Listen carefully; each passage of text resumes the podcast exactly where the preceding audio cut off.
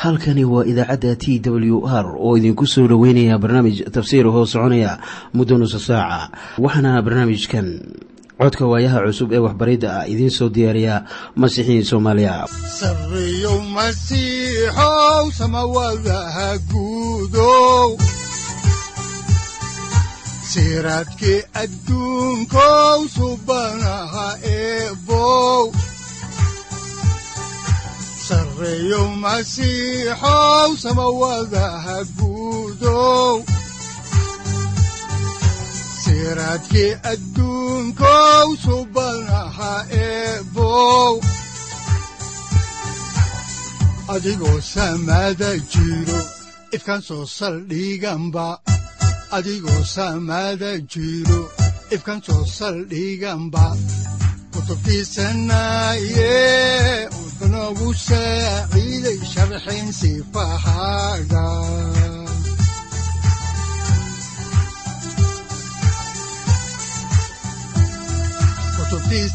kutubtiisinayow ebanagu saaciid sharxin sifahaaga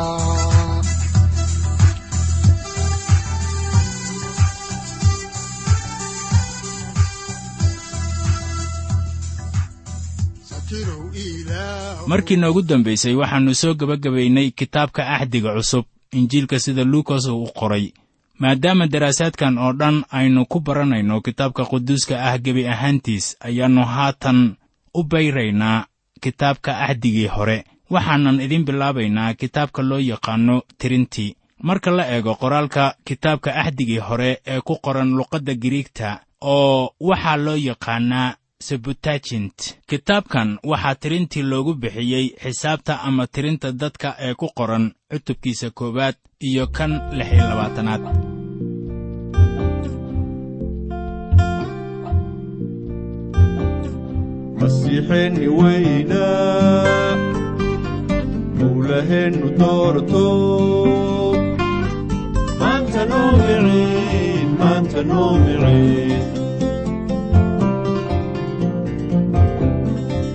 maryankay xambaarto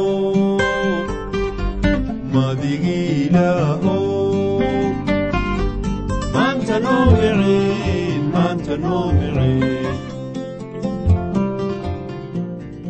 haddaba cutubkan tirintii wuxuu qisada ka sii wadayaa halkii lagu dhaafay ee ahayd kitaabka baxniintii kitaabkan tirintii waa kii afraad ee muuse uu qoray.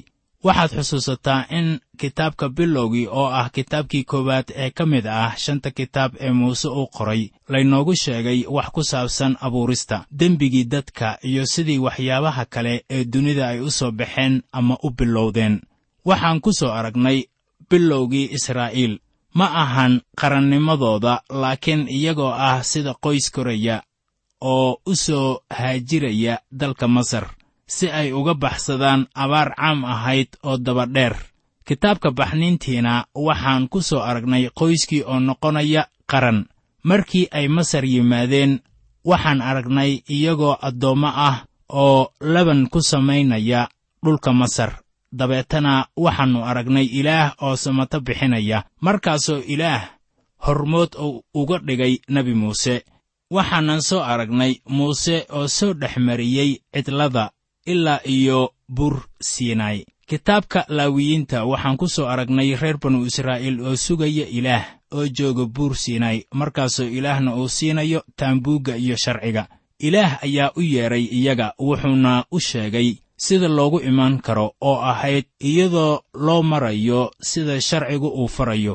Kitaabkan tirintii waxaannu ku arkaynaa reer banu israa'iil oo ka tegaya cidladii buur siinay oo ku soo socda qaadeesh burneca kadib markii ay guuldarro kala kulmeen qaadeesh burneca waxay bilaabeen inay cidlada ku dhex wareegaystaan. Dad fara badanna ay ku dhintaan lamadegaanka sannadadaas ay lamadegaanka ku wareegaysanayaan waa marka ay la kulmayaan dhib iyo rafaad iyo weliba masiibo.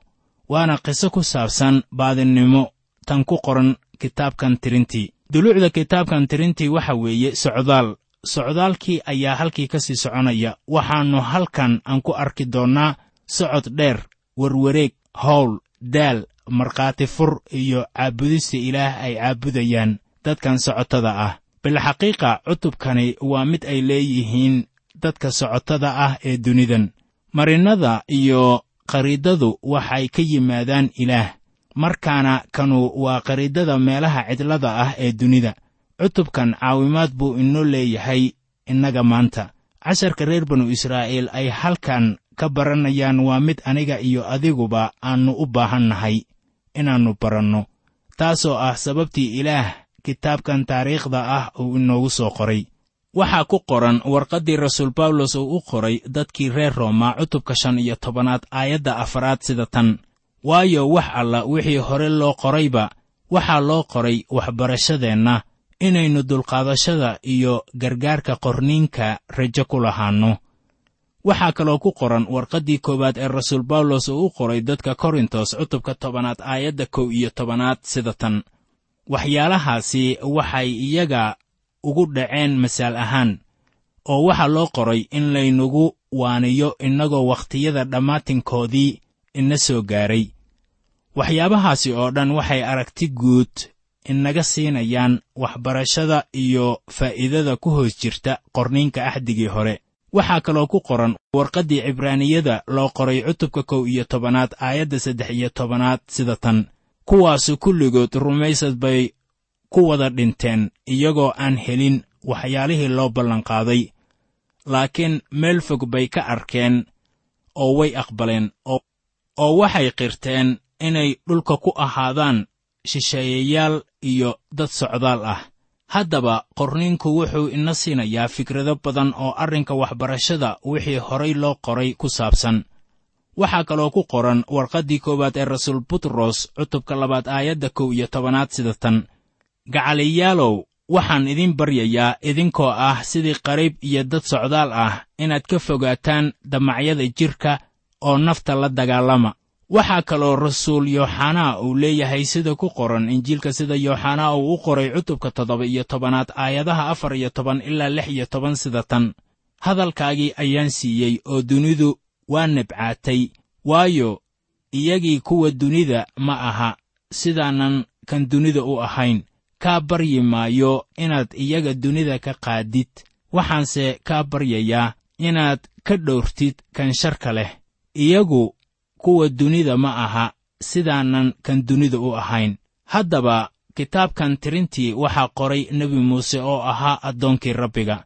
Shanta kutub ee ugu horraysa ee baibalka waxaa qoray muuse waxaana loo yaqaannaa iyaga oo dhan kutubta sharciga. Inkastoo in muuse uu qoray wax layska weyddiiyey haddana waxaa niman khubaro ahi ay caddeeyeen in shanta kitaab ee ugu horreeya baibalka uu qoray nebi muuse kuwa rumaysan baibalka waxay si aan shaki ku jirin isagu waafaqeen in nebi muuse uu yahay qoraha shantaasi kitaab. Haddaba haddii aynu u soo noqonno kitaabkan tirintii ayaad arkaysaa in meesha ay ku wareegaysanayaan ay tahay boqol iyo konton ilaa laba boqol oo mayl dhul ahaan. Marka laga yimaado buur siinay ilaa iyo qaadeesh bernaca waana meel loo safro maalintaas ilaa iyo kow iyo tobanka maalmood. Haddaba waxay ku qaadatay ilaa iyo shan iyo soddon maalmood inay gaaraan kibrot haddaba afartan sannadood bay ku qaadatay dhul ay ahayd inay u safraan afartan maalmood waayo cidlada ayay ku lumeen.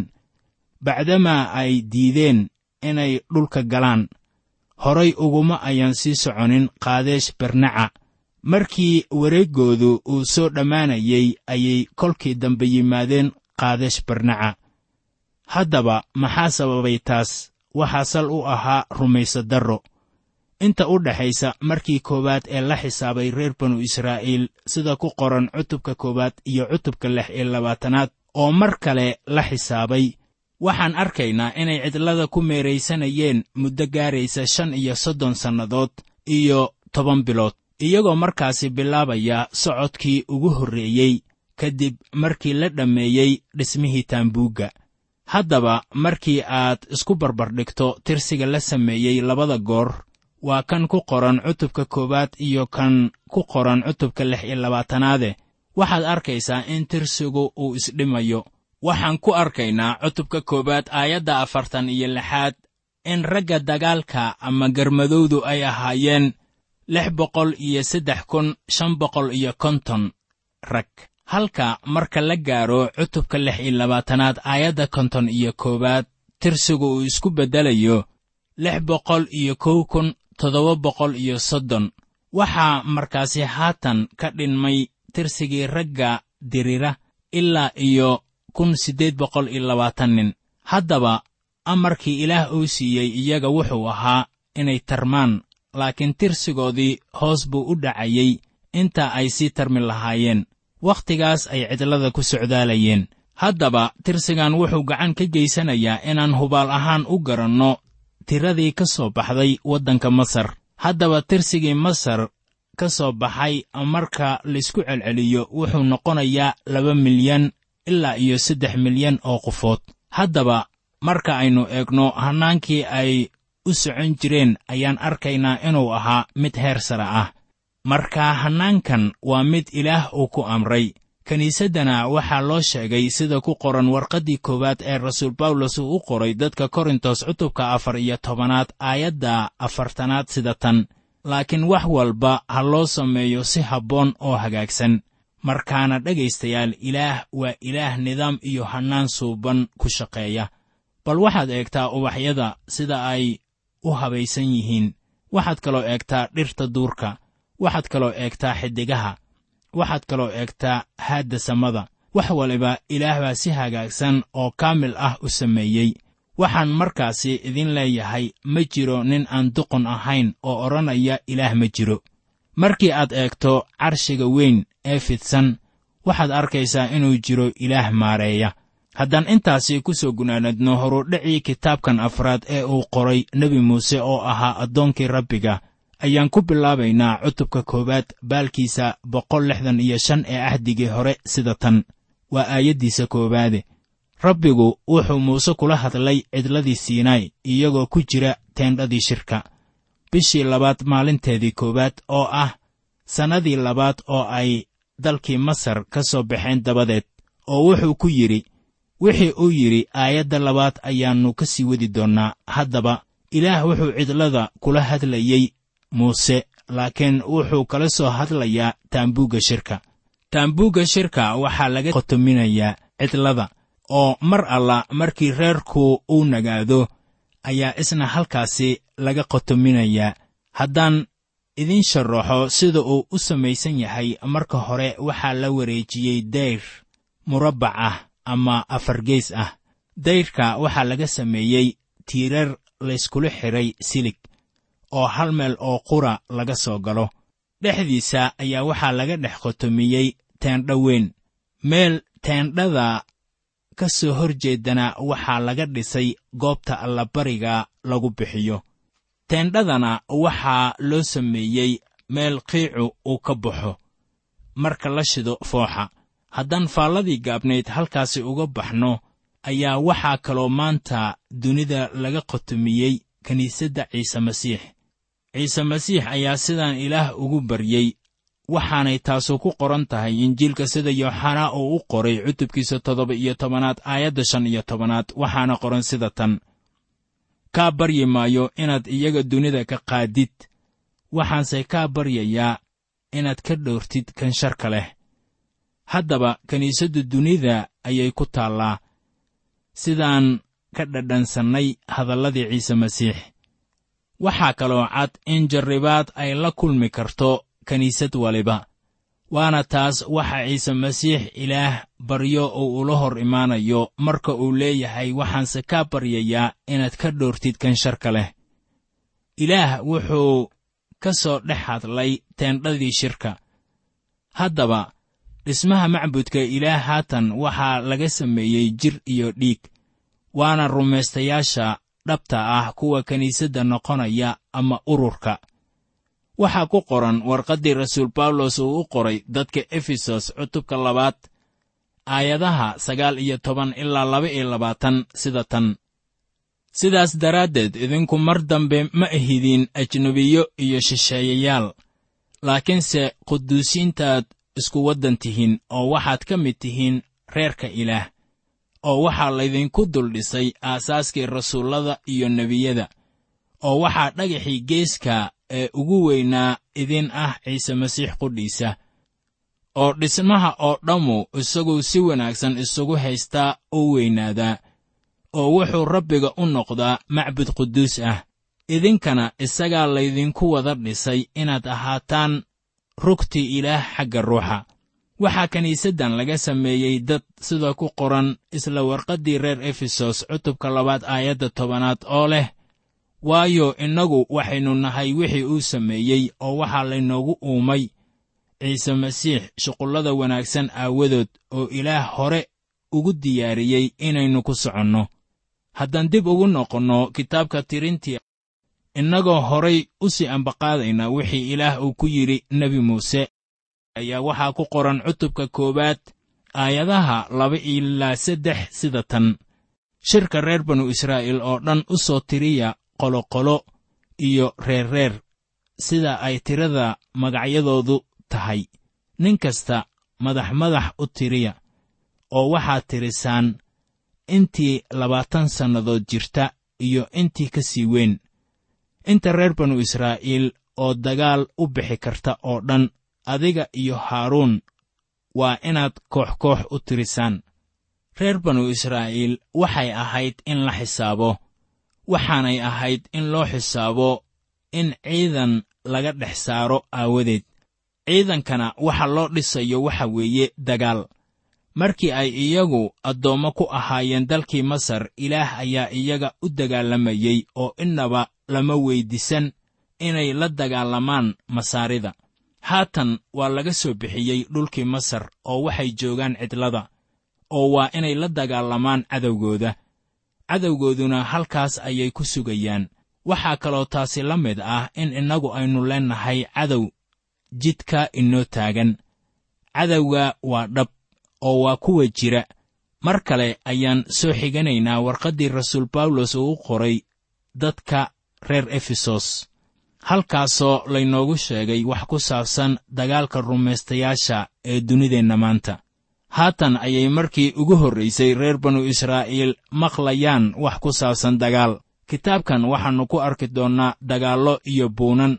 Innaguba waxaynu nool nahay wakhti dagaallo fara badani ay jiraan. Waxaa jira dad badan oo nabad ka hadla baryaha kan laakiin hadalladooda ayay dadka kaga dhex dhaliyaan xasillooni darro.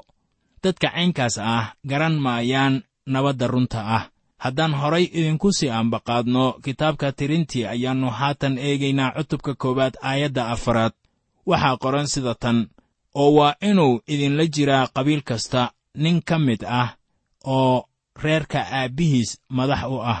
Haddaba sida kitaabkani uu ugu bilaabanayo tirakoobkan ayaan wax la yaab leh ahayn.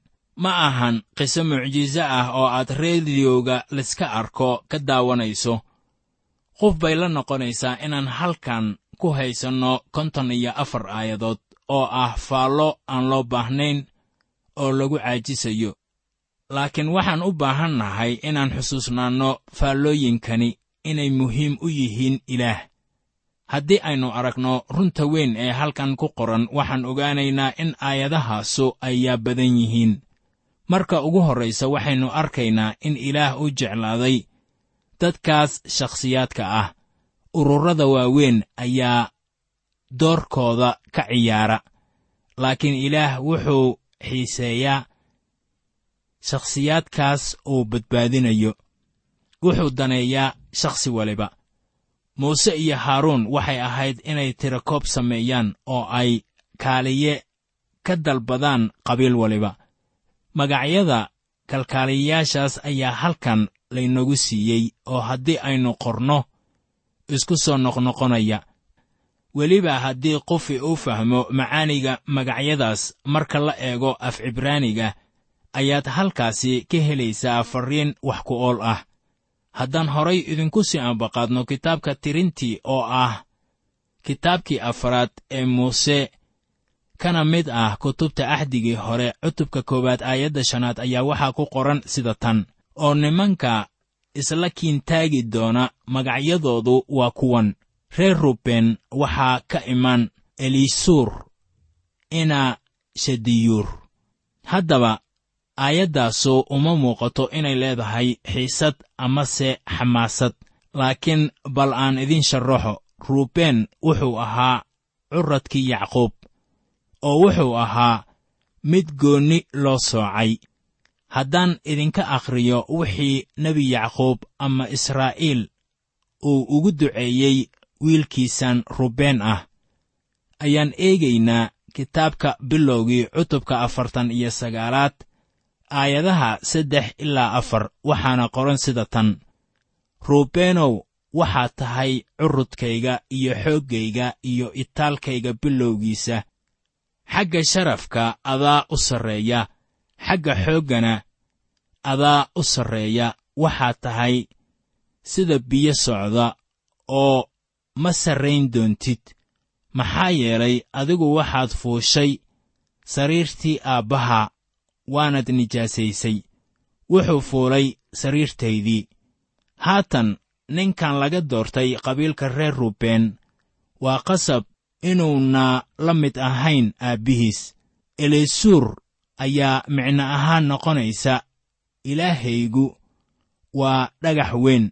Shadiyuurna waxay noqonaysaa ilaaha qaadirka ahu waa dhab. Haddaba marka uu leeyahay dhagax weyn ayuu ula jeedaa inuu yahay meel uu kaga dhuuman karo rafaadka iyo dhibka. Haddaba taasi waan u riyaaqay. Ninkan elisuur ah ayaa laga yaabaa inuu ka yimid qabiil aan u sarraynin sida biyaha laakiin wuxuu garanayaa in ilaahiisu uu weyn yahay oo uu jiro haddaan horay u sii wadno kitaabka ayaannu eegaynaa kitaabka tirintii cutubka koowaad aayadda siddeed iyo tobanaad. Waxaa qoran sida tan.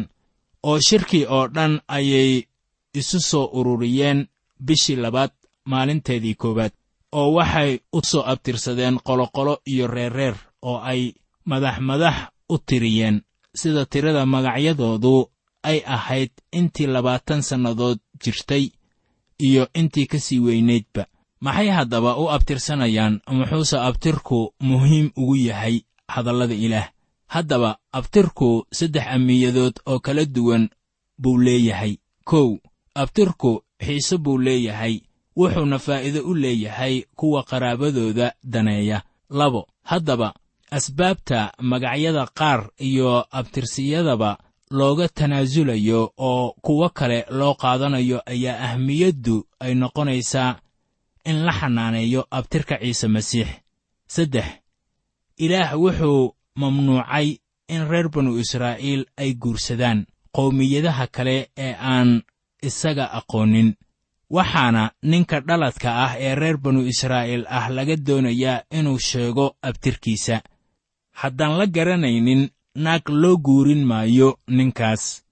Haddaba innaga masiixiyiinta ah ayaa abtirkayagu muhiim u yahay haddii aynu nahay carruurta dhabta ah ee ilaah innagoo rumaysad ku qabna ciise masiix waxaynu noqonaynaa kuwo ilaah dhaxal siiyey oo masiixa wax la dhaxla. Waxaa ku qoran warqaddii reer galaatiya cutubka saddexaad aayadda sagaal iyo labaatanaad sida tan. Haddaad tihiin masiixa kuwiisa waxaad tihiin ibraahim farcankiisa oo ah kuwa dhaxalka leh sida ballanku leeyahay haddaan dib ugu noqonno kitaabka afraad ee muuse oo loo yaqaano tirintii ayaa waxaa ku qoran cutubka koowaad aayadaha labaatan ilaa saddex iyo labaatan sida tan oo reer ruben oo ahaa curadkii israa'iil farcankoodii qoloqolo iyo reerreer sidii ay tirada magacyadoodu ahayd markii madax madax loo tiriyey nin kasta oo labaatan sannadood jiray iyo intii ka sii weyneydba in allah intii dagaal u bixi kartay oo dhan. Intii iyaga laga tiriyey oo ahayd qabiilka reer ruben waxa ay ahaayeen lix iyo afartan kun iyo shan boqol oo reer simecoon farcankoodii qoloqolo iyo reerreer kuwii iyaga laga tiriyey sidii ay tirada magacyadoodu ahayd markii madax madax loo tiriyey. Nin kasta oo labaatan sannadood jiray iyo intii ka sii weynaydba in allah intii dagaal u bixi kartay oo dhan intii iyaga laga tiriyey oo ahayd qabiilka reer simecoon waxay ahaayeen sagaal iyo konton kun iyo saddex boqol. Waxaan aayadahan soo socdaa ka ogaanaynaa inaan reer laawi innaba la tira koobin. Haddaan horay idinku sii ambaqaadno xigashada kitaabka ayaa haatan aan eegaynaa cutubka koowaad aayadaha afartan iyo toddoba ilaa konton ee baalka boqol lixdan iyo toddoba ee axdigii hore. Waxaa qoran sida tan laakiinse qabiilkii reer laawi reerreer looma tirin waayo rabbiga waa la hadlay muuse oo wuxuu ku yidhi qabiilka reer laawi oo keliya waa inaadan tirin oo reer banu israa'iilna waa inaadan tiradooda ku dhex darin. Laakiinse reer laawi waxaad u doorataa inay u taliyaan taambuugga maragga iyo alaabtiisa oo dhan oo waxa uu isagu leeyahay oo dhan iyaga waa inay taambuugga iyo alaabtiisa oo dhan sidaan oo ay u adeegaan oo ay taambuugga hareerihiisa degaan haddaba sababta nimankan looga reebay dagaalka waxay ahayd inay ka adeegaan taambuugga waxay ahayd inay fiidka hore xerada yimaadaan oo ay qotomiyaan taambuugga haddaan halkaasi ku soo gunaanadno cutubkan koowaad ayaannu eegaynaa aayadihiisa konton iyo kow ilaa saddex iyo konton waxaana qoran sida tan. Oo markii taambuugga hor u dhaqaaqayo reer laawi waa inay furaan markii taambuugga la dhisayana reer laawi waa inay dhisaan oo shisheeyihii u soo dhowaadaana waa in la dilaa oo reer banu israa'iilna markay teendhooyinkooda dhistaan nin waluba tiisa xeradiisa ha ka dhisto oo nin waluba calankiisa ha uga ag dhisto sida ciidamadoodu ay yihiin. Laakiinse reer laawi waa inay teendhooyinkooda ka dhistaan taambuugga maragga hareerihiisa si aan cadho ugu soo degin shirka reer banu israa'iil. Oo reer laawi waa inay u taliyaan taambuugga maragga. Reer banu israa'iil waxay ahayd inay gartaan abtirkooda waxayna taasu ahmiyad u leedahay in nin waliba uu garanayo beesha uu leeyahay. Waayo meel gaar ah buu ka gelayaa hawsha xerada qabiil waliba. Innaguna waa inaynu naqaannaa ama garannaa abtirkeenna waxaannu nahay carruurtii ilaah.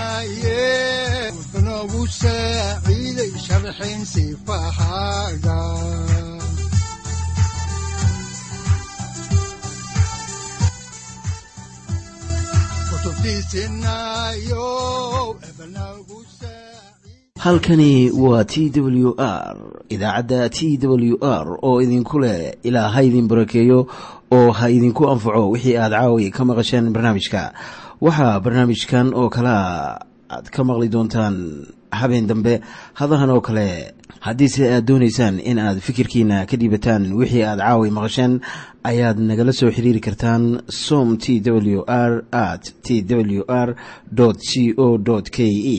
Haddii aad doonaysaan in aad dejiisataan oo kaydsataan barnaamijka ama aad mar kale dhegaysataan fadlan mar kale booqo www t w r o r g amase waxaad teleefoonkaaga ku kaydsataa ama ku download garaysataa agabyada ku sahli karaa dhegeysiga t w r haddii aad doonayso in laga kaalmeeyo dhinacyada fahamka kitaabka amase aad u baahan tahay duco fadlan fariimahaaga soo mari bogga aaraahda ama kommentska inana jawaab degdeg ah ayaanu ku soo diri doonaa amase ku siin doonaaye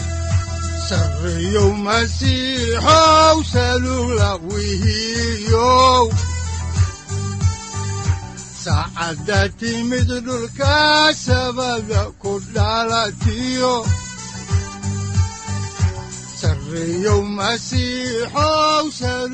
halkani waa t w r oo idiin rajaynaya habeen baraare iyo barwaaqaba leh.